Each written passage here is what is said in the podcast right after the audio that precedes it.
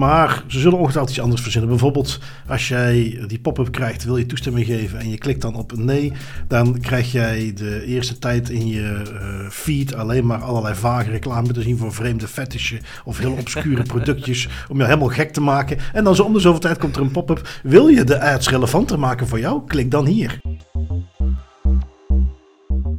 Hallo en welkom bij Das Privé, jouw wekelijkse privacy podcast. Iedere aflevering praat je bij over het reilen en zeilen in de wereld van privacy. Digitale spionage, boetes, datalekken, nieuwe technologie, privacy tools, oftewel alles dat er in een week gebeurt in privacyland. Ik ben Bart van Buitenen en samen met privacy prepper Tim van Haren hebben wij het privacy nieuws van deze week gecureerd en eruit gehaald wat er echt toe doet. Hof van Twente gaat full in denial. In Amerika blijven de fails met facial recognition met uh, regelmaat van de klok opduiken. We hebben weer een nieuw slachtoffer. Meta heeft besloten dat ze dan maar misschien toch, als het echt moet, gewoon toestemming gaan vragen voordat ze je helemaal suf profileren in 50.000 datapunten, zoals ze zelf altijd zo mooi aangeven. En wat krijg je als je een van die nieuwe fancy AI-tooltjes vraagt om een professionele LinkedIn-foto te maken van jouw selfie? Nou, daar hebben we een heel leuk voorbeeldje van, uh, wat gepubliceerd werd door MIT. Um, zoals gebruikelijk nog een klein datalekje. De Italiaanse autoriteit die een megalomane werkgever aanpakt, terwijl de DPC in Ierland dan weer eens niets aanpakt en dus tot de orde wordt geroepen door de EDPB. Alles om uh, er tegenaan te kunnen. En um, ja, kunnen we starten met iets wat ik heb meegenomen van uh, Nederland weer. Kleine update. Um, Hof van Twente kennen we nog wel, die organisatie die uh, ransomware had. De uh, ja, gemeente die dan tijd plat heeft gelegen, flink schade heeft gehad. De probeerden om hun IT-leverancier daarvoor verantwoordelijk te stellen voor de lieve som van 4 miljoen euro. De rechter heeft het afgewezen met onder andere argumenten zoals als jij je wachtwoorden à la welkom 2020 zelf instelt, zelf um, eist dat er uitzonderingen in de firewall komen, dan, uh, ja, dan heb je het aan jezelf te danken. Tim, als dat allemaal gebeurt, jij bent die gemeente, wat ga jij dan nu nog doen? Wel, uh, ik heb het artikel ook gelezen, maar ik zou in hun plaats zou ik eigenlijk heel weinig nog gaan doen tegen het bedrijf dat eigenlijk die uh, instructies gewoon heel netjes heeft opgevolgd, waartoe dan ja, er gaten in de beveiliging kwamen. Maar dat is niet wat er gebeurd is, hè Bart? Nee, nee, nee, nee. nee. Hof van Twente ik weet niet of dat het is omdat ze denken dat dat beter is voor hun reputatie. Dat ze dan naar buiten laten uitschijnen dat ze er echt alles aan gedaan hebben. En oh, oh wat erg, wij zijn hier in het ongelijk gesteld. Dat kan helemaal niet. Um, maar ze gaan in beroep. Ze gaan het gewoon nog eens proberen. Het, de uitspraak van de rechter was vernietigend, was zeer duidelijk. Dit is helemaal jullie eigen schuld. En toch gaan ze in beroep. Um, ja, wat voor zover ik het ken of weet, uh, nul kans van slagen. Uh, de teksten die we gezien hebben van het vorige uitspraak was helemaal duidelijk. Mm -hmm. Maar uh, ja, goed, ze gaan. Ja, alsof ze nog niet geld genoeg kapot gegooid hebben om zich te laten herstellen van een crisis die eigenlijk volledig hun eigen schuld is. gaan ze dus nog eens in beroep. Um, nou, kansloos, maar goed. opnieuw, een poging om misschien voor de buitenwacht te laten blijken alsof het allemaal toch meevalt. Um, wat hebben we dan nog? Ik heb een, um, ja, een klassieker, zoals wij bijna wekelijks voorbij laten komen. Gezichtsherkenning wordt steeds meer toegepast. Um, hier weer eentje in de categorie van, we hebben het daar wel eens vaker over. Ja, maar dit komt zo vaak voorbij, is het nog wel leuk om op te nemen voor in de podcast. Uh, maar ja, gelet op het belang daarvan vind ik dat we die iedere keer als er zo eentje naar buiten komt, dat we die toch mee moeten nemen. Um, hier is het, uh, ja, die zin een klassieker. Een vrouw wordt opgepakt, uh, doet op een gegeven moment de deur open, politie staat klaar. Die vrouw is acht maanden zwanger, wordt opgepakt, komt in de cel terecht. wat blijkt dan de achtergrond te zijn? er was ergens een, iemand die op camera was gesnapt tijdens een carjacking. En ja, facial recognition had dan Porsche Woodruff uh, geïdentificeerd. Uh, en die hebben haar, dus op de, op de, uh, aan huis geweest, hebben erop gepakt. En die is in de cel terechtgekomen. Um, gelet op alle stress die erbij kwam kijken, volgens het artikel in de New York Times, heeft ze zelfs, ja, de, begin, de bevalling werd opgewekt terwijl ze in de gevangenis zat vanwege al die stress. Um, goed, natuurlijk kwam aan het licht dat zij het niet was. Um, maar ja, goed, weer het zoveelste voorbeeldje van gezichtsherkenning, zeker op dat soort manieren ingezet door de politie, uh, geen goed idee. Nee, inderdaad, dat is op den duur al een, een systematisch probleem, want waar zeker bij de Amerikaanse politie is één, dat men zo gratuit facial recognition technologie gaat inzetten zonder zich eigenlijk bewust te zijn van de pitfalls en van de, de elementen waar je rekening mee moet gaan houden. Zeker als het aankomt op de output van dergelijke systemen. Maar dan vervolgens ook dat men bijna blindelings de output van artificial intelligence systemen, en dat gaat verder dan facial recognition, gaat volgen.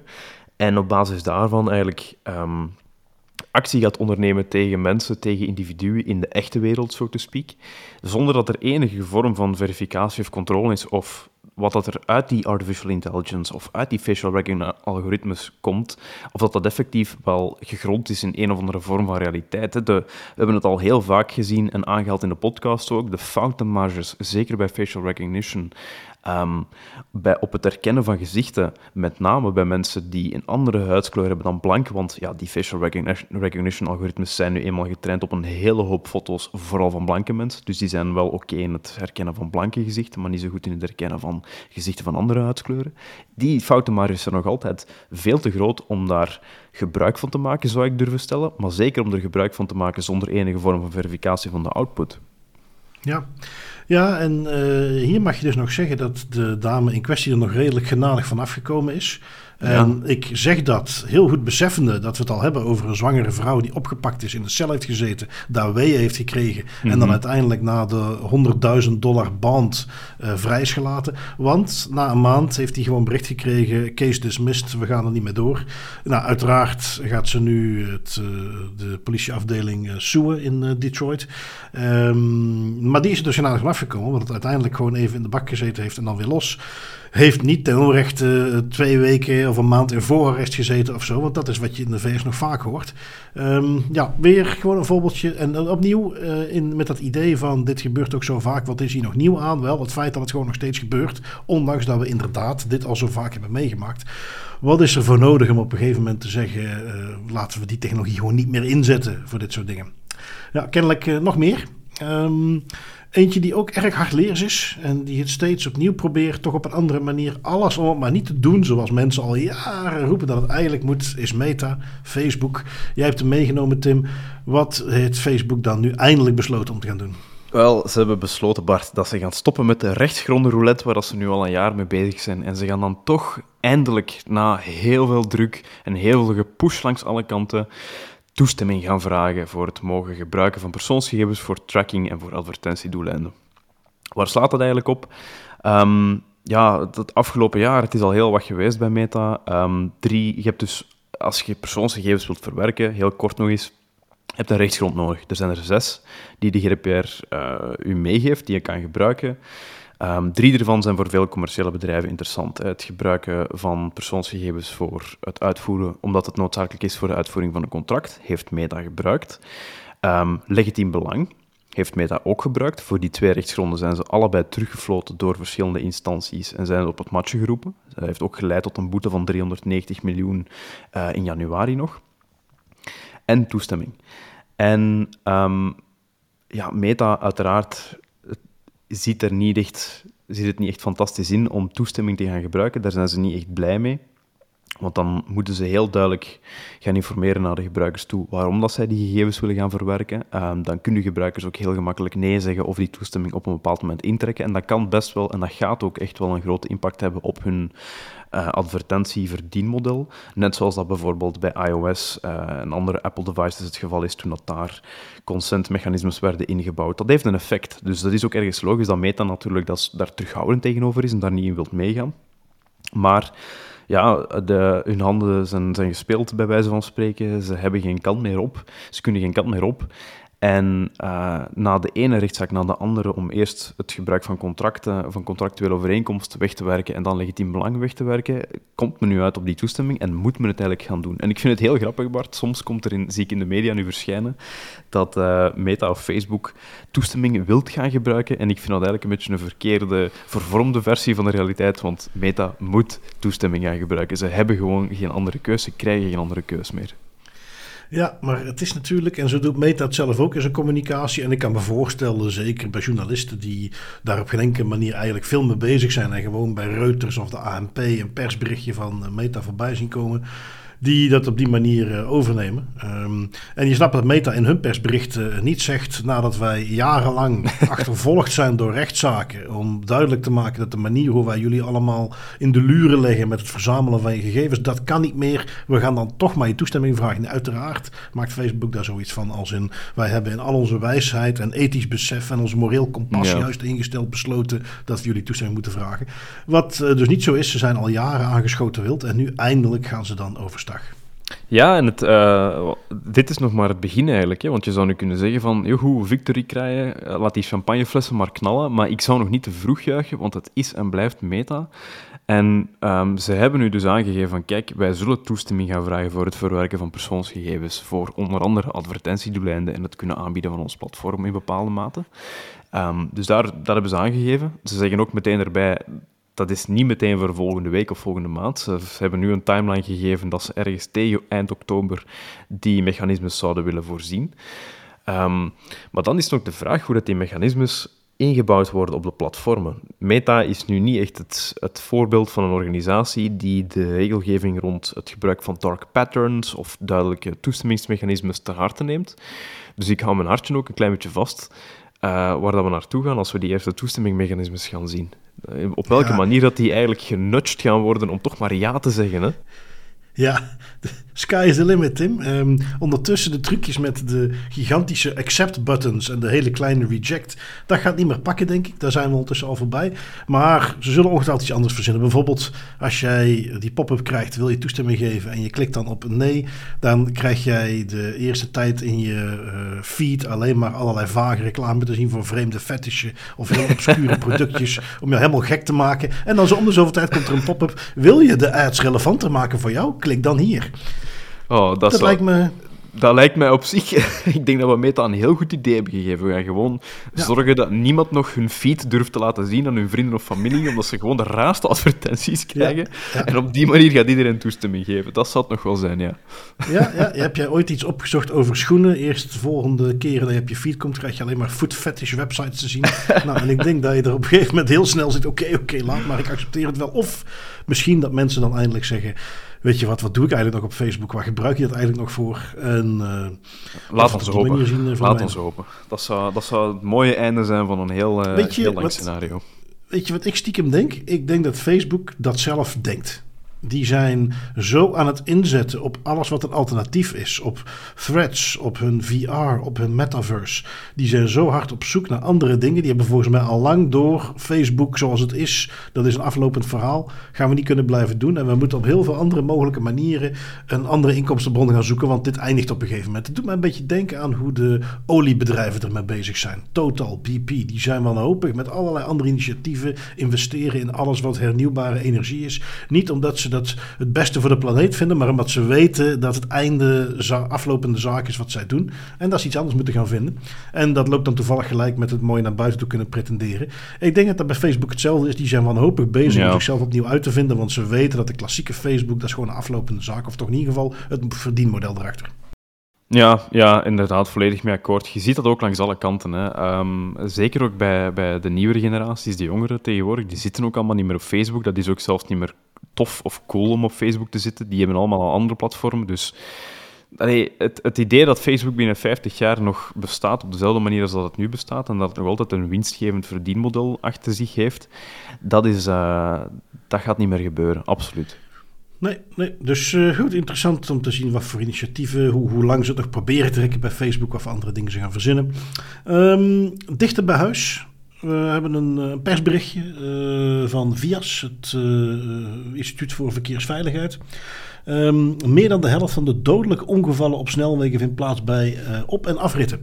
Mm. Ja, oké, okay, dat zal ongetwijfeld, die statistiek. Um, dan gaan ze even kijken, ja, wat heeft dan te maken ja, met... Um, uh, bijzondere manoeuvres die uitgevoerd moeten worden ter hoogte van op- en afritten. Um, en dan halen ze toch nog eventjes, ja, de snelheidslimieten worden ook niet gerespecteerd. En ja, hoe denk je dat we dat dan gaan oplossen, Tim? Camera's plaatsen natuurlijk. Meer camera's plaatsen, absoluut. Uh, eh, ANPR-camera's, die dan de snelheid in de gaten gaan houden nu. Ik zit vaak op de snelweg. Uh, ik geef toe, ik ga zelfs wel eens iets sneller dan 120 km per uur op de snelweg. Eén plek waar ik echter nooit sneller dan 120 km per uur op de afrit ga, omdat dat, of uh, op de snelweg ga, omdat het gewoon niet kan, dat is toch wel de op- en afritten. Um, mm-hmm. Stel, stel, hypothetisch, ik rij 150 op de snelweg, ik moet mijn afslag halen. Ja, je gaat niet met 150 de snelweg af. Dat, dat, dat doe je niet, dat doet niemand. Um, dus ja, ook hier weer, ik weet niet, halen ze het er gewoon bij? Zie ik dat misschien, want ik ben uiteraard geen verkeersspecialist, zie ik dat helemaal verkeerd? En ben ik gewoon zo'n brave bestuurder dat het niet in mij opkomt dat iemand effectief met 150 de snelweg afgaat? Um, ik denk het eigenlijk niet. Maar uh, ja, dat is uh, hetgeen wat men dan meteen weer voorstelt. We moeten meer camera's plaatsen. Ja, typisch hè. Typisch, hè. Alleen hier, ik ga heel eventjes advocaat van een duivel spelen, Bart. Gewoon, gewoon doen, doen. omdat het kan. Dit is nu wel zo'n geval waar ik van zou zeggen van... Stel dat ze daar nu eens een jaar lang camera's plaatsen. En het blijkt ook effectief dat daar veel meer ongevallen gebeuren. En dat er wel zotten zijn die tegen 150 per uur hun afslag proberen te pakken. Um, dat is één iets dat je wel kunt gaan bewijzen met camera's. En twee, je kunt er dan ook op gaan inspelen. Nu, opnieuw, dat is een veronderstelling dat die camera's daar voor een tijdelijke, tijdelijke periode geplaatst worden, dat die ook voor een bepaald doel alleen maar gebruikt worden, dat die vervolgens ook nergens meer anders voor gebruikt worden. En dat hebben we al heel vaak genoeg gezien dat dat bij ANPR-camera's en bij andere camera's sowieso niet het geval is. Eens dat die daar staan, blijven die daar voor veel te lange perioden staan en worden die ook nog eens gebruikt voor allemaal andere doeleinden. Dus ergens als men, dat, als men daarmee kan bewijzen van ja, die statistieken, één, die kloppen echt, die zijn gegrond in de realiteit, er zijn heel veel dodelijke ongevallen en daar moet iets tegen gedaan worden en men kan dat op een of andere manier tegenhouden met camera's, denk ik dat het ergens misschien nog wel iets proportioneel kan zijn. Maar daar staat wel tegenover dat je bepaalde maatregelen neemt om dan ook het tijdelijk karakter te bewaken en ook die doelbinding te voorzien. En ja. dat zie ik ook gewoon ergens terugkomen hier opnieuw. Helemaal sterker nog, ik ga je zeggen, geen probleem op het moment dat, dat, dat men nu gaat van kijk, we gaan dat eens testen. We gaan dat een uh, halfjaartje evalueren op die en die en die op- en afritten met de meeste uh, ongelukken. En dan eens kijken, hebben die camera's nu geholpen? Um, nou, ben ik helemaal voor. Uh, wie weet is dat de insteek die ze kiezen. Het viel me gewoon op. De grote reflex is meteen weer camera's plaatsen. Ja. Vooral als je dan even verder in het artikel leest. Um, ze hebben nog wat andere statistieken. Uh, 1 op de 10 dodelijke slachtoffers op de snelweg is een voetganger. Oké. Okay. Dan denk je van, goh, die mogen daar toch helemaal niet komen. Uh, wat doen die daar dan? Wie ja, weet moeten we eens camera's neer gaan zetten die dat helpen detecteren. Um, nou, dat wordt dan weer niet genoemd. Hè. Dus als we het hebben over de oplossing zijn uh, meer camera's, dat wordt dan voor wat kennelijk in 10% van de gevallen op de snelweg uh, het probleem is, wordt dan niet meegenomen. Um, maar goed, om die trouwens toch even mee te geven, ook al zijn we geen verkeerspodcast, maar uh, kennelijk, want ik was ook even benieuwd. En ja, mocht je op de achtergrond iets horen, de Iemand met een grote blazer staat nu net buiten de deur aan de slag. Uh, uiteraard uiteraard. gelijk met de podcast. Um, wat geeft men nog wel even mee? Uh, wanneer heb je dan toch sprake kennelijk van een voetganger op de snelweg? Um, dat is op het moment dat het gaat om een uh, aanrijding bij een voertuigpannen. onvoorzichtig rijgedrag, bijvoorbeeld door ruzie of alcoholmisbruik. En dat is dan de spijtige, die hoort daar natuurlijk ook bij zelfmoordpogingen, wat toch ook op de snelweg dan nog gebeurt. Ja, ja, dat is helaas natuurlijk wel de realiteit waar we in leven, dat dat nog altijd gebeurt. Um, dus dat is, dat is ergens wel jammer. Dat, dat van die voetgangers... Oké, ja, we zijn een verkeerspodcast, we zijn nu heel erg aan het, afgaan van wat dat onze, onze topics zijn. Maar ik vind dat wel bijzonder. Um, en dat is opnieuw ook iets, ja, als camera's daarin kunnen helpen, lijkt me dat op zich nuttig. Maar opnieuw, op voorwaarde dat het proportioneel gebeurt. Dat is altijd de, de case met die camera's. En dan nog, het is 1 op de 10, maar wat is natuurlijk de, de totale, totale aantal? Hè? Dat vind ik ook wel een belangrijke om dergelijke investeringen te doen. 1 op de 10 zegt op zich niet zo heel veel over het totaal aantal ongevallen dat gebeurt per jaar. Nee, en als ze bij dit soort artikelen dat aantal niet specifiek noemen, dan weet je wel hoe laat het is. Dan is het aantal, ook al is iedere dode er een te veel, dan is het aantal waarschijnlijk redelijk laag. En is het veel beter om te zeggen 1 op de 10 dan om te zeggen 15 in 2023. Want dan denkt iedereen van nou, nou, nou, we moeten ons daar zo druk om maken. Exact. Uh, Exact. Goed, uh, daar staat er niet bij, dus uh, wie weet wat dat is. Um, goed, wat nemen we dan nog mee? We gaan weer even terug naar Amerika. Nee, sorry, niet naar Amerika. Hè. Het gaat om uh, redelijk dicht bij huis, maar ja. het doorsturen van gegevens naar Amerika. Iets wat niet altijd zonder slag of stoot gaat, dat weten we hier natuurlijk maar al te goed. Um, maar in dit specifieke geval ging het om inderdaad een stroompje vanuit Nederland naar Amerika met ongewenste neveneffecten. Ja, inderdaad. Um, opnieuw met een van de elementen van de Holy Trinity, namelijk het bestrijden van terreur. Uh, het, uh, het, is al een even geleden ondertussen, maar ergens rond de periode van 2012 was er een redelijk grote exodus van jongeren uit een aantal Europese lidstaten die naar Syrië gingen trekken om daar Syrië-strijder te worden en daar ja, uh, deel te gaan uitmaken van, van IS. is dat alweer tien jaar geleden? Dat is ondertussen al meer dan, meer dan tien jaar geleden, ja. ja dat is gek, hè? Dat, uh, dat ja. lijkt zo'n paar jaar geleden, maar, maar uh, zelfs voor mij kan ik nu al zeggen dat ze in, terug in mijn tijd, vroeger, ging men naar Syrië. En um, uiteraard, de, ja, de overheden en de politie die willen daar natuurlijk ja, een beetje een zicht op krijgen van wie gaat er allemaal naartoe, eerst en vooral, en wie komt er terug. Want dat zijn op dat moment potentieel getrainde uh, terroristen die dan hier dergelijke acties kunnen gaan uitvoeren en ook hebben uitgevoerd. Dus ik snap ergens wel dat de overheden en de politie daar een zicht op willen hebben.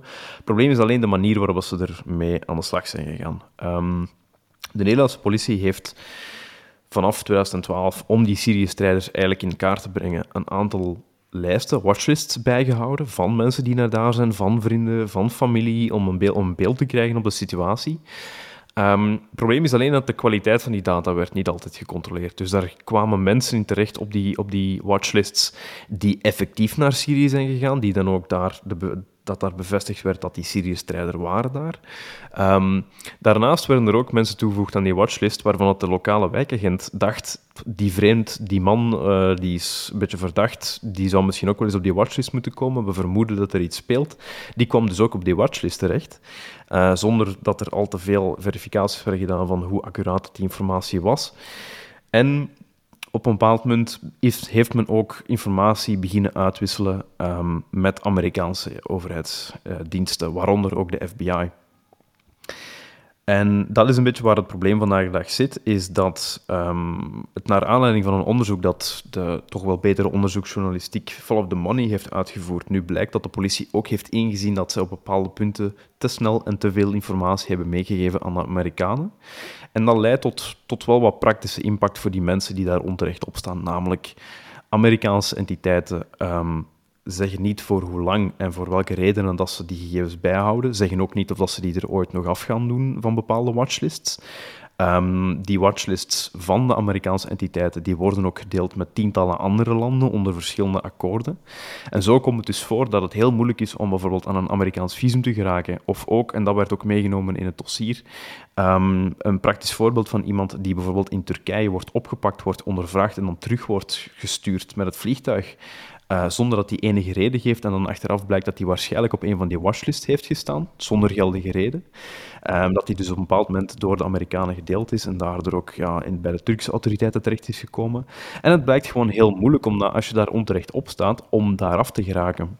En dat is dus iets wat de Nederlandse politie nu heeft ingezien van ja, als je eenmaal op die lijst staat, dan kom je er nauwelijks meer van af. Dat kan ook een reële impact hebben op jouw bewegingsvrijheid wereldwijd. En de Amerikanen die zijn helemaal niet meewerkend als het aankomt op het weghalen van informatie. Die zijn uiteraard meewerkend als het aankomt op het krijgen van informatie en op het opzetten van, onder, van, van doorstromingen van informatie. Maar probeer maar eens in een FBI-watchlist als Nederlandse politie uh, foute gegevens eruit te halen of gegevens die niet meer kloppen. Dat blijkt heel lastig en dat is nu een inzicht dat men wel heeft gekregen. Ja, ja, uh, had, uh, hadden heel veel mensen en privacyorganisaties hen heel lang van tevoren al kunnen vertellen. Ja. Uh, het, is, het is de klassieker. Da daarom dat we zo terughoudend moeten zijn voordat we mensen op zo'n lijst zetten. Um, niet eens omdat er een, een, een kwaadaardigheid achter zit om mensen zoveel mogelijk te onderdrukken. Maar die lijst is verbonden met een andere lijst, is verbonden met een andere lijst. En voor je het weet zit je in een vicieus cirkeltje waarbij je misschien van de ene lijst gehaald wordt. Maar dat je dan gewoon weer via een update aan de andere lijst er weer aan gekoppeld wordt. Of dat Amerikanen gewoon denken van kijk, je bent vast met een reden op die lijst gekomen waar rook is, is vuur. Hoppakee, je blijft op die lijst staan. Dat is wat ze zeggen. Je kunt wel aangeven in dit geval als Nederland haal uh, die en die van die lijst af. Maar of ze dat doen is nog maar een tweede. Um, ja, typisch verhaal eigenlijk. Mag niemand verbazen. En weer zoiets, als je het voorbij ziet komen, zou je hopen dat dus um, de, de, de, ja, in ieder geval de Nederlandse politie, maar mij ook de Belgische politie, is eventjes ook verder doordenken en zeggen van, goh, hebben we nog meer van dit soort lijstjes? Hebben we nog meer van dit soort doorgiftes die plaatsvinden? Laten we daar ook eens goed over nadenken, want...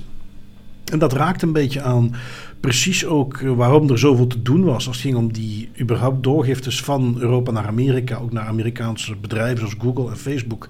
Als die mhm. data opgeslurpt wordt door inlichtingendiensten, wat dus gebeurt, en die maken daar op hun beurt weer lijstjes van, kan dat dat je daar onterecht opkomt. Alleen al vanwege het feit dat al die diensten daar toegang toe hebben. Dus dat, dat ligt aan de basis waarom we zo terughoudend moeten zijn met het doorsturen van dat soort gegevens. Hopelijk uh, dus een manier om daar eventjes uh, over na te denken, te inventariseren wanneer ze dat nog doen. En eens goed te kijken, moeten we dat eigenlijk nog wel doen. Um, als je ooit series kijkt waar iets met politiediensten, criminaliteit in zit, opsporen. Uh, ook allerlei sci-fi series, dan heb je vast wel eens de term gehoord computer enhance.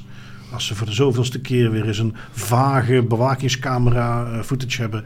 En ze laten die enhance dan ineens eens alles scherp. Uh, in um, Star Trek, de Next Generation, wat voor mij nog steeds de favoriete is, had je Picard die dat vaker op computer enhance. En dan poef, alles werd ineens helder. Wel, in deze tijden van ChatGPT, artificial intelligence, uh, beginnen er naartoe te komen. En een studente die bij MIT werkt uh, van uh, ja, of ze Aziatische origine is, weet ik niet, maar ze heeft een duidelijk Aziatisch uiterlijk. En uh, die dacht: Weet je wat, ik heb wel een foto van mezelf, maar ik ben maar gewoon een student. Ik heb niet geposeerd voor een mooie professionele foto. Ik pak een van mijn foto's, een selfie, ehm, en ik vraag aan, in dit geval Playground AI, waar ze de test mee deed. daar vraag ik van: Oké. Maak deze foto en verander dat in een representatieve professionele LinkedIn-foto. Um, de output van die AI, uh, eh, ja, een beetje verrassend. Uh, Tim, jij zit er nu als het goed is in onze show notes ook naar te kijken. Ja. Um, het is zo stom en uh, raar dat het weer lachwekkend is. want je hebt dus een dame met overduidelijk Aziatische kenmerken die een foto van zichzelf uploadt. Je ziet, ze heeft een bepaalde vorm van de mond. De wenkbrauw op een bepaalde manier. Ze heeft een bepaald kapsel, een bepaalde trui aan. En ze heeft dus die foto. En wat krijgt ze terug? Een foto van zichzelf. Je ziet dat doordat de wenkbrauwen op dezelfde manier staan. Je herkent een beetje de vorm van de mond. Je herkent het t-shirt en het kapsel. Maar ze is blank. En dat is het enige wat eraan veranderd is. Voor de rest niks aan uh, een, een, hemdje aangedaan, de achtergrond veranderd. Het is letterlijk alleen maar haar gezicht omgedraaid en blank gemaakt.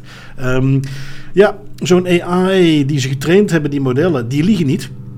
Die heeft op basis van de aan dat model beschikbare data besloten. Ja, wat nou echt het verschil gaat maken voor deze dame om aan een uh, professionele LinkedIn-foto te komen, is dat ze blank moet zijn. Want ja, dat zijn volgens mijn dataset professionele LinkedIn-foto's.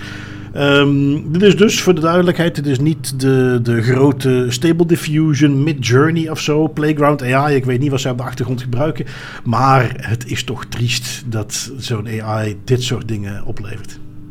Ja, en opnieuw, um, net zoals dat we eerder al zeiden, als het gaat over facial recognition en de problemen dat daar ja, veroorzaakt kunnen worden, ook hier, hè, een, een belangrijk deel bij de ontwikkeling van artificial intelligence modellen is de data waar je op bouwt en de data die je gebruikt om je model te gaan trainen.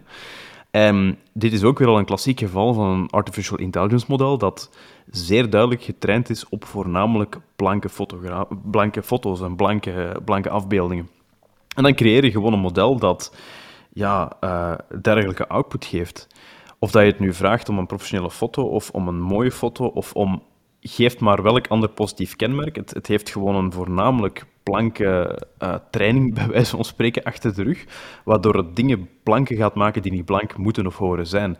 En dat is een gigantisch probleem, is het feit dat um, voor een heleboel mensen die een andere huidskleur hebben dan blank, die zijn helemaal niet gerepresenteerd in die training van die AI-modellen. En die worden dus zeer nadelig beschouwd door die AI-modellen, of die worden in de output zeer nadelig, naar, die komen daar zeer nadelig naar buiten. En dat is gewoon een gevaar met die artificial intelligence modellen, is dat men, dat men daar niet genoeg aandacht aan besteedt.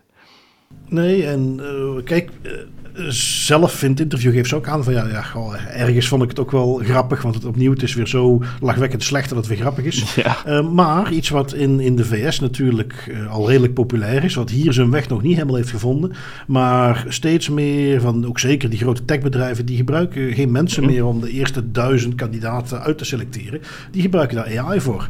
het is helemaal niet denkbeeldig dat die op een gegeven moment termen prompts in gaan geven van oké, Ehm, al diegenen die erop staan met een niet-professionele uitstraling, ja, die wil ik al niet hebben. Dus die tikt in, geef mij vooral de kandidaten met een professionele uitstraling. Ja, volgens het algoritme wat achter Playground AI is, het vallen dan dus alle niet-blanken meteen af. Um, dan wordt het ineens een stuk minder, haha, het is wel zo slecht dat het weer grappig is. Dan wordt het ineens iets waar heel actief uh, eigenlijk, ja, kan niet anders zeggen dan een soort AI-gestuurd racisme uit naar voren komt. En ik let heel erg op, want aan de ene kant heb ik soms het gevoel dat we daar wat te gevoelig voor dat er heel te snel wordt geroepen. Maar als je dit ziet, het is gewoon één op één. Iemand maakt de fout om zo'n slecht model te gebruiken. En met één druk op de knop, als daar geen menselijke validatie meer achter zit, worden alle niet-blanken er gewoon uitgescrupt. Um, ja, dit is dan toch echt wel iets wat zou kunnen gebeuren. Dus voor zover dat niet al heel erg duidelijk was, als iemand ergens iets van zo'n AI eh, ter wereld brengt. Uh, ja, valideren, valideren, valideren. Dit is, dit is gewoon een student die eens een testje doet. Dat moet te reproduceren zijn. Uh, Playground AI, als je er eventjes naar, naar de website gaat wat ze eigenlijk doen, hè, want het is nog niet dat, dat het al geïntegreerd is, zo'n HR-tool. Uh, zij bieden gewoon een soort uh, image editing aan, maar dan niet voor professionals. Dus je kunt daar een foto uploaden. En als ik dan een foto van mezelf upload en ik zou zeggen, nou ik wil mezelf eigenlijk nog wel eens een keer zonder baard zien, dan kan ik dat meegeven aan dat ding. En dus ja, goed, zij had dan meegegeven, maak er een professionele foto van. Uh, maar opnieuw het idee dat dat ingezet zou worden in, in andere tools en waar de gevolgen een stuk concreter worden, is, is verre van denkbeeldig. Ja, ja, inderdaad. En, en dat is een goed punt dat je aangeeft, hè, dat ik ook absoluut ondersteun. Is, je ziet dat inderdaad soms voorbij komen in de media of, of, in, of in meningen van, van mensen, dat ze zeggen van een, het algoritme is racistisch. De facto, een algoritme kan niet racistisch zijn. Een algoritme kan slecht getraind zijn, waardoor dat, dat bepaalde dingen niet gaat doen, of bepaalde dingen op een verkeerde manier gaat, gaat representeren. Maar een, een algoritme gaat nooit zoiets hebben van, dit is een, ik, ik heb een grondige hekel aan Aziaten, ik ga die vandaag de dag allemaal blank maken. Zo werkt een algoritme niet. Wat dat belangrijk is, is dat je vooral gaat kijken naar hoe wordt dat algoritme getraind, welke data wordt daar gebruikt. Want ja, die algoritmes, dat zijn geen... Uh, dat zijn geen, geen oneindig fantastische eh, modellen die alles perfect kunnen doen. Die zijn gelimiteerd tot wat dat ze getraind zijn. En dus de kennis over wat de trainingsdata is, is heel belangrijk om te kunnen afbakenen waarvoor dat je het model goed kan gebruiken en waarvoor je het model absoluut niet kan gebruiken. Ja, ja, absoluut. En dus voor iedereen die daar wel eens tegenaan loopt, of die ergens in een context zit waarin wel eens gevraagd wordt om advies te geven over dat soort modellen. Um, een van de basisdingen die je echt mag meevragen, iedere keer, of het nu in de medische context is, omdat die bepaalde tumoren of bepaalde kankers of uh, wat dan ook herkent op medische beelden, of het nu gaat om HR-toeltjes, of het nu uh, om dit geval foto-editing gaat vraag altijd hoe is dit getraind? Hoe hebben jullie ervoor gezorgd dat bepaalde van de klassieke dingen die we weten dat fout kunnen gaan, zoals dat het uh, verkeerde basisdata niet divers genoeg is, hoe heb je dat eruit gehaald? En dan moet, gewoon, daar moet men een goed antwoord op kunnen geven. En um, nou, dat, is, dat stap 1. En ja, dan heb je dus zo iemand als de DPO die erbij betrokken is om dat soort dingen in kaart te brengen, om dat soort vragen te stellen. Um, dan is het natuurlijk wel belangrijk dat je ook effectief luistert naar die DPO en dat die op de goede manier in de organisatie staat. En laat jij daar nu net een mooi voorbeeldje van hebben meegenomen, Tim, van in dit geval de Nederlandse stad Almere, die dat niet helemaal op de goede manier deed. Nee, nee, en dat is interessant en dat is eigenlijk illustreert dat heel netjes hoe toch naar mijn gevoel men in Nederland op vlak van het DPO-schap veel verder en matuurder staat dan in België. En waarom zeg ik dat nu net? Het is de tweede gemeente al. Het is nu de gemeente Almere, maar daarvoor was er nog een andere gemeente ook.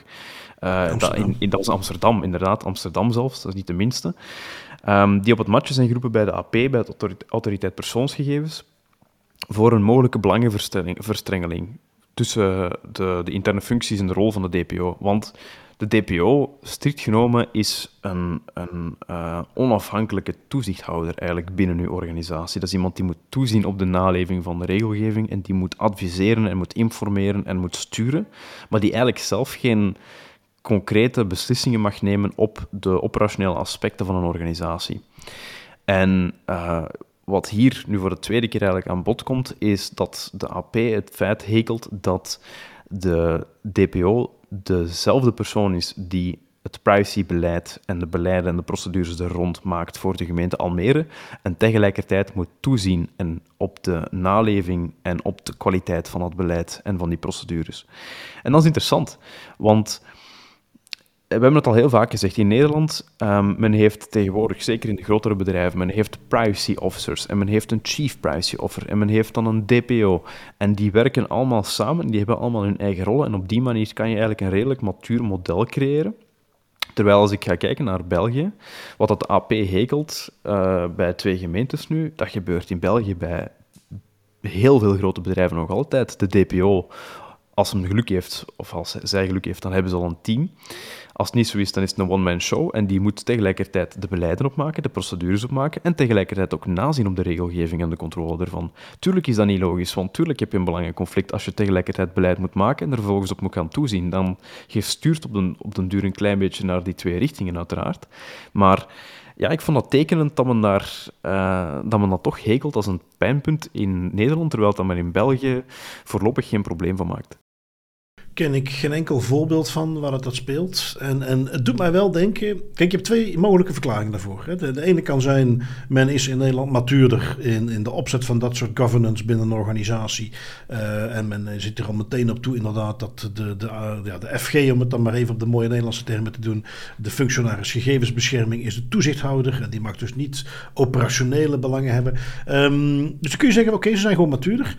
Er is een tweede verklaring. Uh, ik weet niet welke van de twee het is, zal ik meteen bij zeggen. Maar mm -hmm.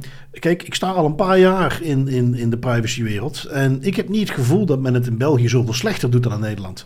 Dus dat er ergens zo'n groot verschil in maturiteit zou zitten, dat mis ik. Um, dus het zou ook kunnen zijn dat men gewoon bij de AP er al wat dieper in zit en al naar dit soort dingen gaat kijken. Terwijl ze eigenlijk, zoals wij het hier meer zien, net zo goed zouden kunnen focussen op de bergorganisaties die überhaupt nog geen DPO hebben en er eentje zouden moeten hebben. Of die een DPO hebben die los van de perfecte scheiding tussen operationeel meedoen en toezicht houden, die gewoon nog niet gehoord wordt en waar gewoon nog helemaal niks gebeurt. Um, en, en dat je dus kunt zeggen van ja, ze zijn dan wel lekker in de ivoren toren de, de finesses van het toezichthouderschap aan het bedenken, maar in de dagdagelijkse praktijk op de werkvloer is dat misschien zelfs buiten de grote overheidsorganisaties, is dat niet het grote probleem. Um, en als ik dan denk aan uh, de volgende die ik heb meegenomen, uh, sluit daar een beetje bij aan. Uh, want we hadden het vorige week over het UWV, die uitkeringsinstantie in Nederland, die jarenlang via de website bezoekers aan het tracken was. En dat dan ging matchen met uitkeringsgegevens. Als iemand dan ingelogd was op de UWV, dat ze gingen kijken wat ze konden leren uit die cookies en de bezoeken daar rond. En of ze daar dan fraude mee op konden sporen.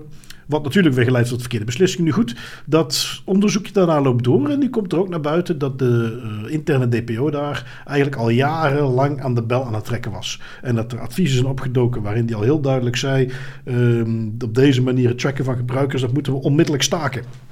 En want dat had uiteindelijk nog jaren heeft geduurd voordat dat gebeurde. En dus dan kom je op het punt dat je zegt van ja, eh, de theoretische discussie snap ik helemaal. En ben ik het helemaal mee eens dat er een goed onderscheid moet zijn tussen de toezichthouder en degene die samen met het bedrijf bepaalde privacybeslissingen neemt.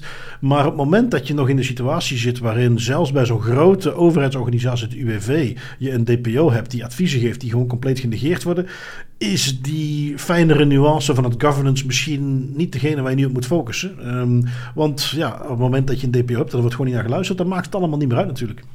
Nee, volledig mee akkoord. Dat, dat is inderdaad, dat zijn eerder schoonheidsfoutjes die weg zouden gewerkt moeten in organisaties die het al effectief goed doen. Maar ik denk dat er inderdaad nog andere katten te geestelen zijn voordat we daaraan moeten beginnen. Zeker, als de, ja. zeker met een organisatie als de AP, die tegelijkertijd dan zo'n dingen doet, maar dan wel langs de andere kant zegt dat ze met een grondig tekort aan budget en personeel zitten om, grond, om de zware zaken aan te pakken. Dat is een beetje vreemd.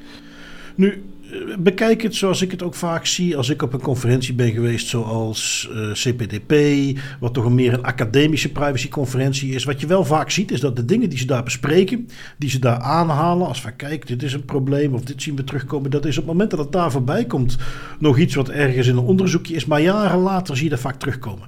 Um, op dezelfde manier zou ik het hier ook bekijken. Die uh, discussie rond de nuances van toezichthouder, die zijn heel terecht, die zijn ook interessant. Um, maar. Mm -hmm. Um, ja, we gaan daar waarschijnlijk pas in de toekomst toe echt belangrijk in terugkomen. Dus dat is privé, dat is beter. Zit jij in een organisatie met de omvang waarin dit soort discussies wel degelijk relevant zijn of gaan zijn, onthoud het. Weet dat ook in België het gegarandeerd eraan zit te komen. En kijk nu wel eens hoe je dat op de goede manier kunt uh, regelen. Maar op het moment dat je als DPO nog gewoon niet gehoord wordt, dan is dat denk ik de belangrijke om die op te lossen. Ja. En is het andere iets waarvan je zegt, oké, okay, voor lange termijn kunnen we eens gaan kijken hoe we dat gaan uh, oplossen. Um, wat meer ja, met de voeten in de modder. manieren hoe de data lekt.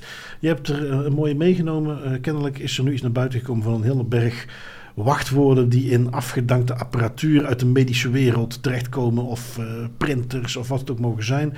Iets waar men niet echt over nadenkt. En ja, daar heb jij iets van meegenomen. Ja, het, viel mij gewoon op. Het waren een paar artikels die ik heb verzameld en die ik, die ik inderdaad nu samen wil meenemen om gewoon eventjes kort toe te lichten, is um, het feit, dat gebeurt nog altijd redelijk veel, heb ik het gevoel. Um, inderdaad, afgedankte apparatuur, in dit geval is het in de medische context, maar dat kan ook in andere gevoelige contexten relevant zijn. Um, ziekenhuizen die in dit voorbeeld bijvoorbeeld uh, afgedankte infusiepompen wegdoen, die worden vervolgens uh, door onderzoekers, door security researchers opgekocht dat ging hier over een dertiental. En wat blijkt dan? In acht van die dertien afgedankte infusiepompen uh, kon men wachtwoorden van het ziekenhuisnetwerk vinden. Dat is zeer waardevolle informatie die je kan gaan gebruiken om aanvallen uit te voeren op die ziekenhuizen. Um, en ja, ik heb er, zo'n paar teruggevonden. De, de infusiepompen is één dingetje waar dat gewoon zonder enige vorm van encryptie of, of authenticatie de, de wachtwoorden in te vinden waren van de netwerken en de wifi-netwerken. Uh, een andere is Canon zelf, de, onder andere fabrikant van de printers. Die waarschuwt dat wifi-wachtwoorden achterblijven bij printers, ook als die printers onder een of andere factory reset um, gecleaned zouden worden. Dus het idee van hardware op een bepaald moment, het is end of life, het moet weg uit je organisatie, je schrijft het af en um, het, het is weg. Afhankelijk van de context van je organisatie kan het wel eens nuttig zijn om eens na te gaan denken of dat er op die hardware in de configuraties of gewoon om de manier, met de hoe dat je ermee hebt gewerkt, toch geen gevoelige informatie in zit waar je wel eens dubbel over wilt gaan uh, checken voordat je dat effectief uit de organisatie en uit je controle brengt. Want het zou maar eens kunnen dat je op die manier al jarenlang gegevens lekt die best wel gevoelig kunnen zijn. Ja, en hier zijn het dan de wifi-wachtwoorden, waarbij ik wel moet toegeven, ik ken ook wel gevoeligere gegevens die je zou kunnen lekken. Um, maar ik ken hetzelfde voorbeeldje in eh, de medische wereld, waarin het gaat om scanapparatuur of andere apparatuur die teruggestuurd wordt naar de fabrikant, omdat die gerepareerd moet worden of omdat die uh, afgedankt is. Uh, waar die fabrikant dat dan binnenhaalt en het geheugen bekijkt en ziet dat dan nog van duizenden patiënten allerlei gegevens op staan. Waar zij zelf, ik heb ook voor zo'n partij gewerkt, die hebben hele duidelijke afspraken met bijvoorbeeld ziekenhuizen. Daar staat dan in, zorg dat die apparaten leeg zijn voordat je ze naar ons terugstuurt. Maar dat gebeurt dan toch vaak niet. Zij moeten dan weer terug naar het ziekenhuis om te zeggen: Kijk, jullie hebben een datalek. Want strikt genomen, ja, we hebben dat binnengehaald. We hebben dat meteen verwijderd. Maar ja, het is bij ons terechtgekomen, had die gemoeten. Dus ja, kijk maar wat je ermee wil doen. Maar dit is eigenlijk een datalek. En dat is zeker iets. Um, ja, ik denk ook zeker ook bij jou, Tim. Maar als ik ook ergens een, een, bepaalde audit of een check doe. en het gaat om een organisatie waar ze apparatuur met gegevens. Uh, ja, zoals ons mooi heet, decommissionen. Standaard ga je vragen: oké, op wat voor manier zorg je ervoor dat daar geen gegevens meer op staan? En bijna standaard ook blijkt dat dat niet bepaald een waterdicht proces is.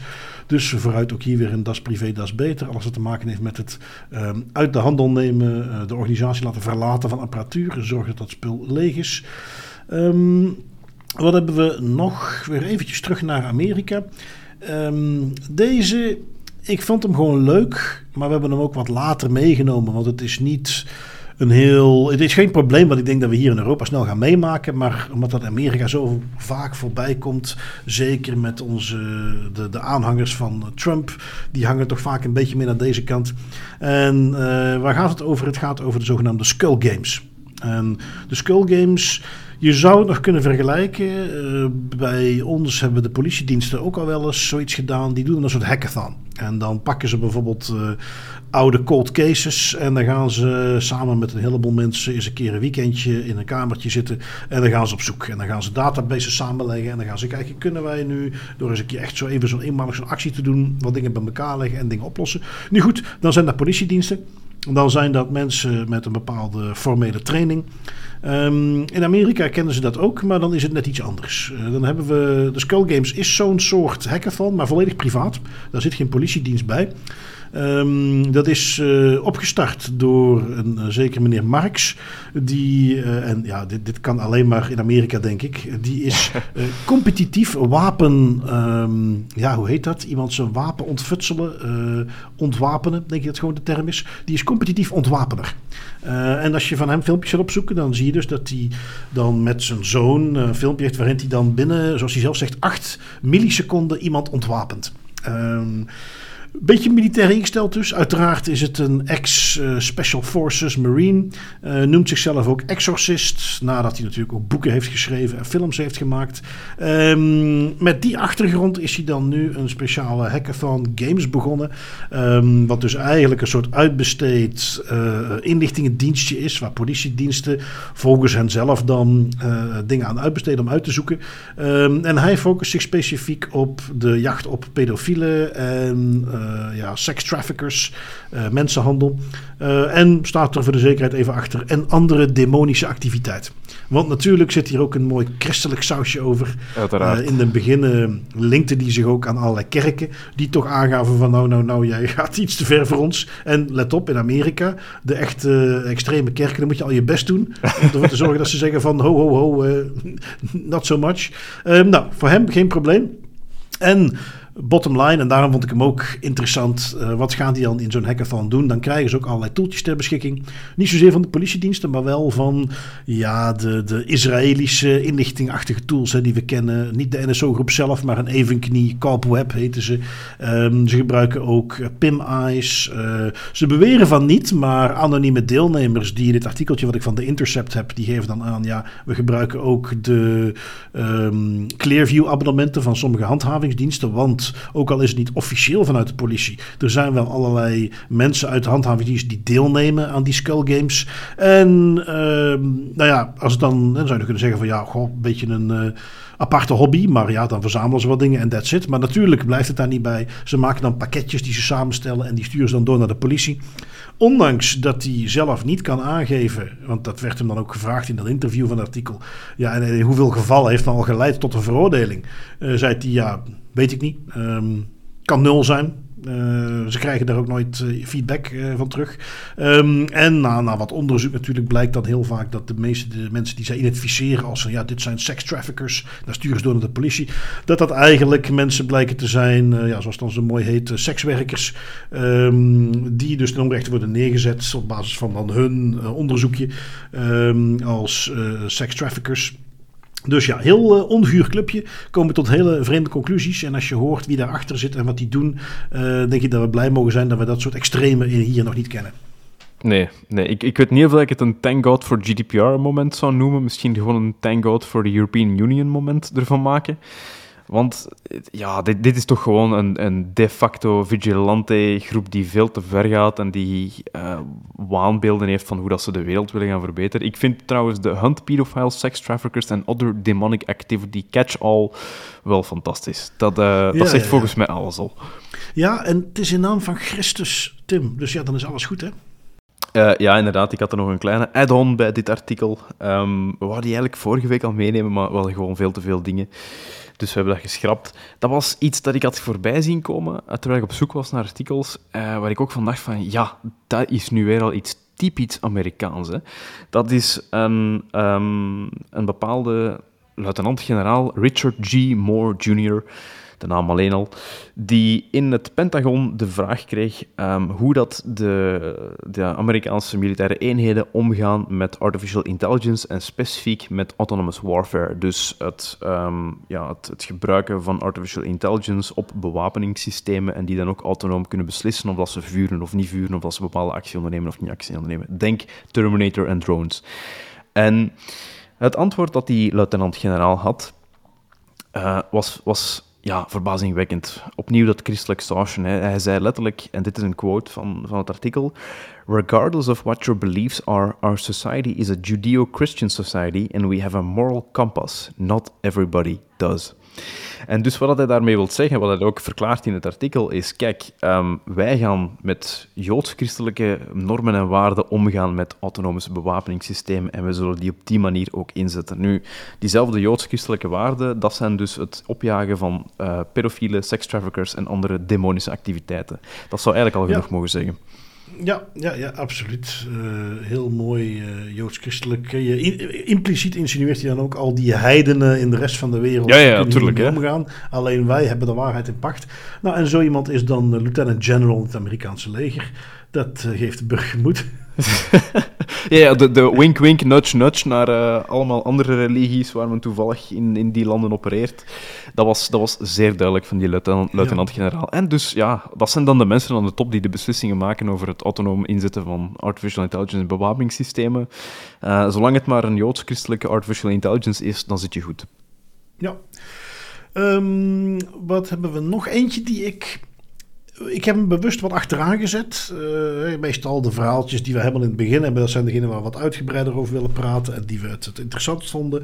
Uh, wat meer naar onder, die zijn ook wat makkelijker te schrappen als we inderdaad eens een tijdsnood komen.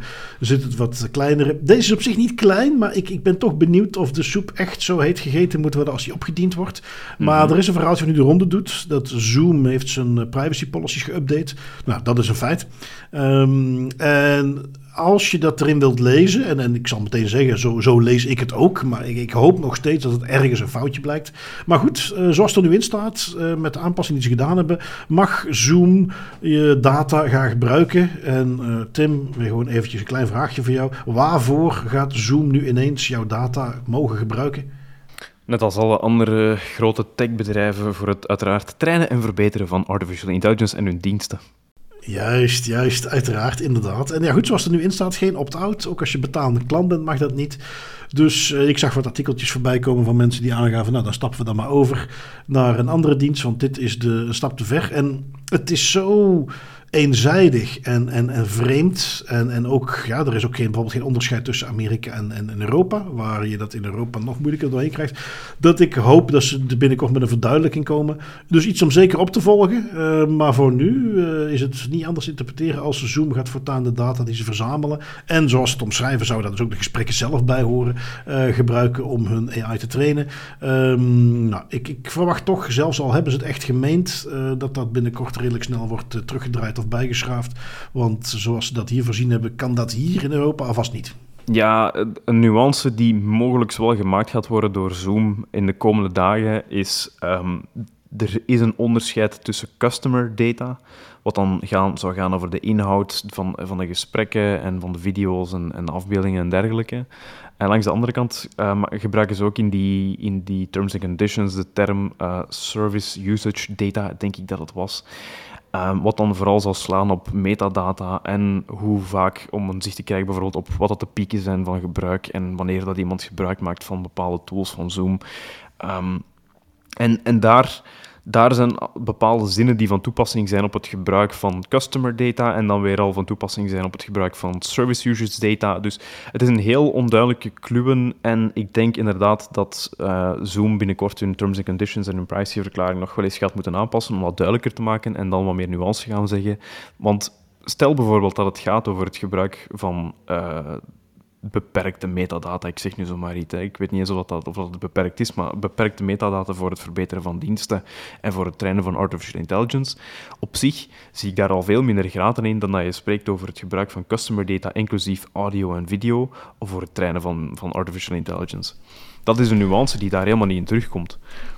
Nee, Nee, nee, precies. Want uh, zo zou je denken, maar ik heb nog eens goed gekeken. En het is wat, zoals zij het omschrijven, is het toch echt wel uh, gewoon echt volledig alle data. Maar misschien dus een aantal nuances die ze moeten gaan, uh, gaan leggen.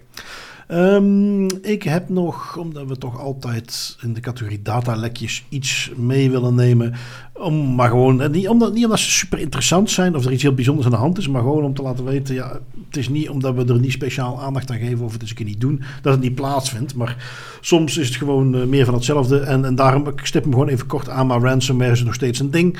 En nu is het weer uh, in de staat Colorado, waar van alle studenten tussen 2004 en 2020 in de high school hebben gezeten, of die van tussen 2007 en 2020 in een college hebben gezeten, die hun data is uh, gelekt. naam, mm. social security nummer, studentennummers, andere onderwijsgegevens. Uh, aantal getroffen studenten wordt nog onderzocht, maar alleen al vorig jaar zaten 900.000 studenten in Colorado.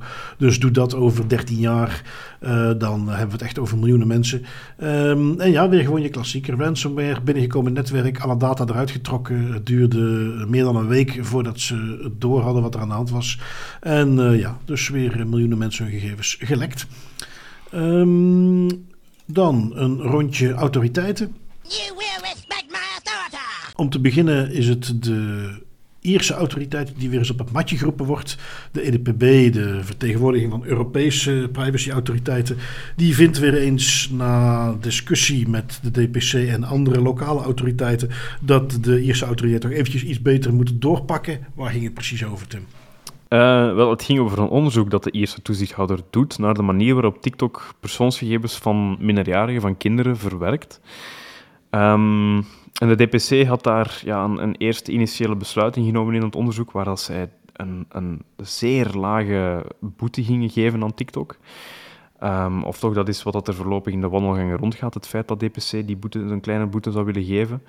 Um, en uiteraard, zoals heel vaak het geval is met de besluiten van de Ierse toezichthouder, daar waren verschillende Europese toezichthouders het niet mee eens met de manier waarop dat, uh, dat besluit naar buiten is gekomen.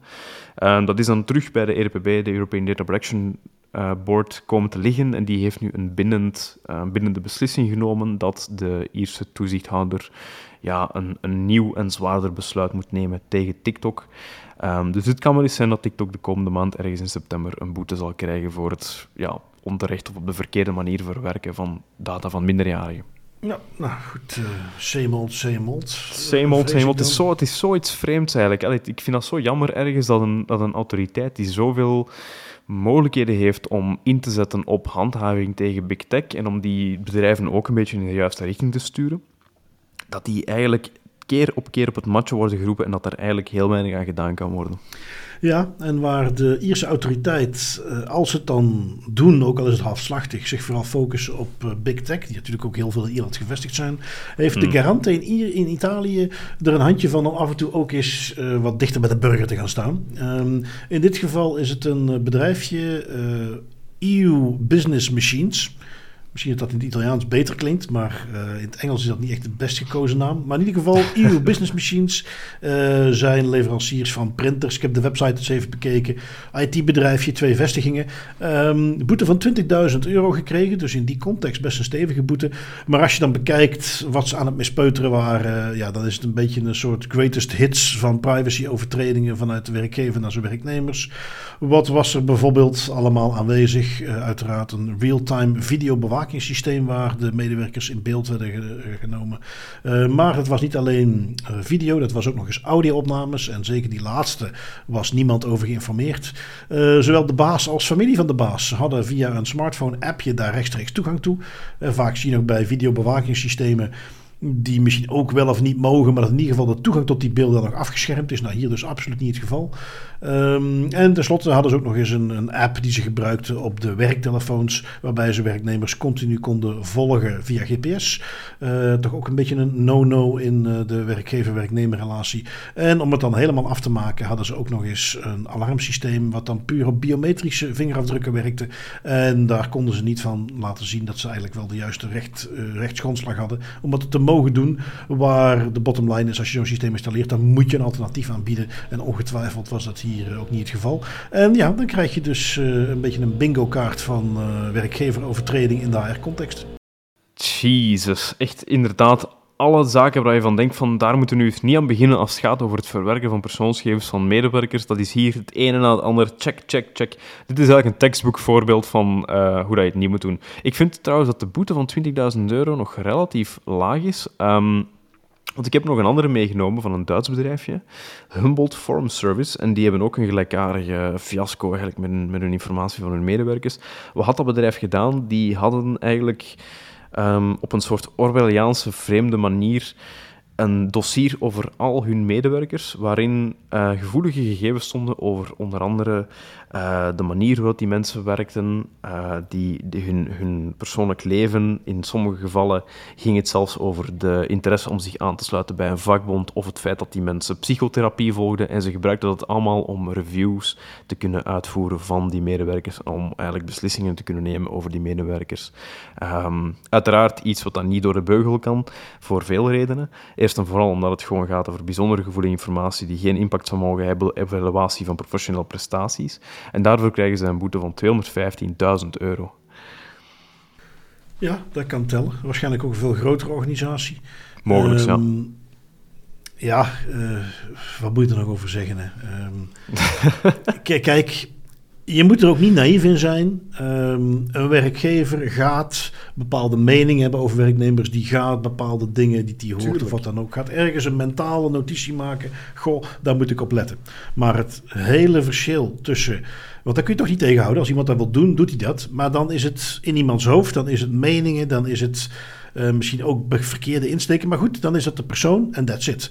Eh, het grote verschil met dat gaan vastleggen in dossiertjes, daar notities van bijhouden, dat dan op die manier ook verspreiden, daar het risico dat dat gaat lekken, noem maar op. Dat is natuurlijk waar het grote verschil is. Dat is waar het een inbreuk wordt voor eh, de GDPR.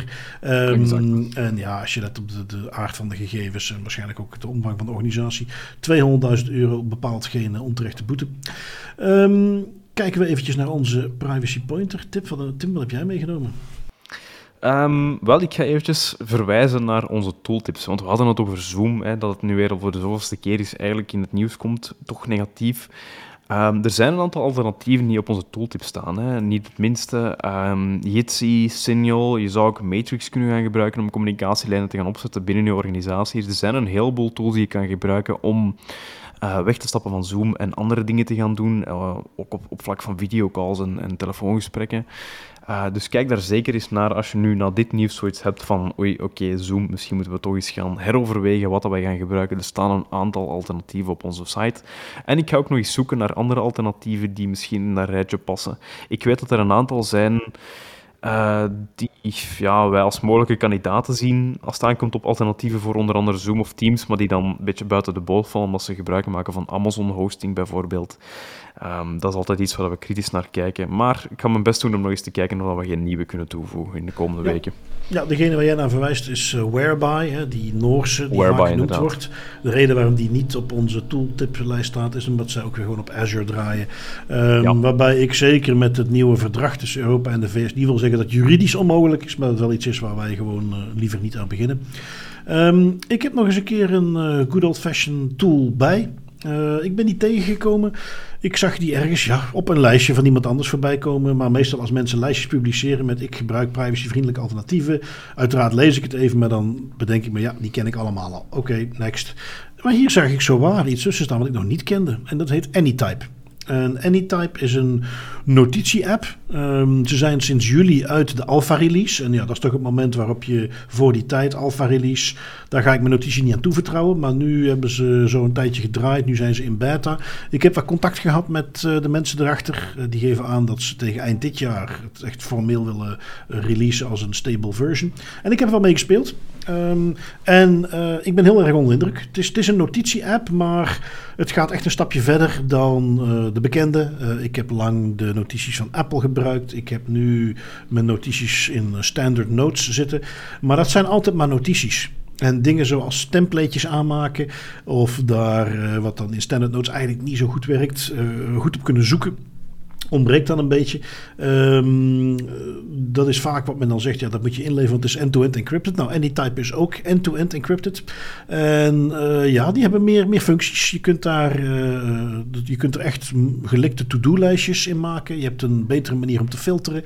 Je kunt in plaats van, je kunt notities maken, maar je kunt ook pages maken, dat je er een soort wiki in kunt gaan opbouwen. Vooral dat laatste stukje is iets wat ik heel interessant vond, want dat is wat ik vaak mis met notitietoeltjes. Um, door dingen in collecties te stoppen kun je ook een hele mooie mindmap genereren. Die je dan in de verschillende categorieën laat zien wat er allemaal in zit.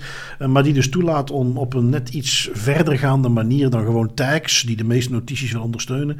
Uh, maar door bepaalde groepjes te maken uh, en daar dan verschillende types van documenten, links, ja, allerlei opties hebben ze eronder. En lang verhaal kort, ik ben er vol onder indruk. Ik ben daar nu een beetje mee aan het spelen. Ik vind hem al sowieso goed genoeg dat ik hem hier wilde meenemen. En ik ben heel serieus aan het overwegen, als ik er nog wat langer mee speel, om daar uh, naartoe te stappen. Dus uh, ja, die wilde ik even meegeven. Anytype.io. Oké, okay, interessant. Dat ga ik ook eens proberen dan. Nou, dan zou ik zeggen, Tim, zijn wij weer aan het einde van een uh, leuke aflevering gekomen. Zoals gebruikelijk, ik bedank graag onze luisteraars. Ik bedank jou graag voor je tijd. En wij spreken elkaar volgende week weer. Zoals altijd, Bart. Met heel veel plezier en tot volgende week. Tot volgende week.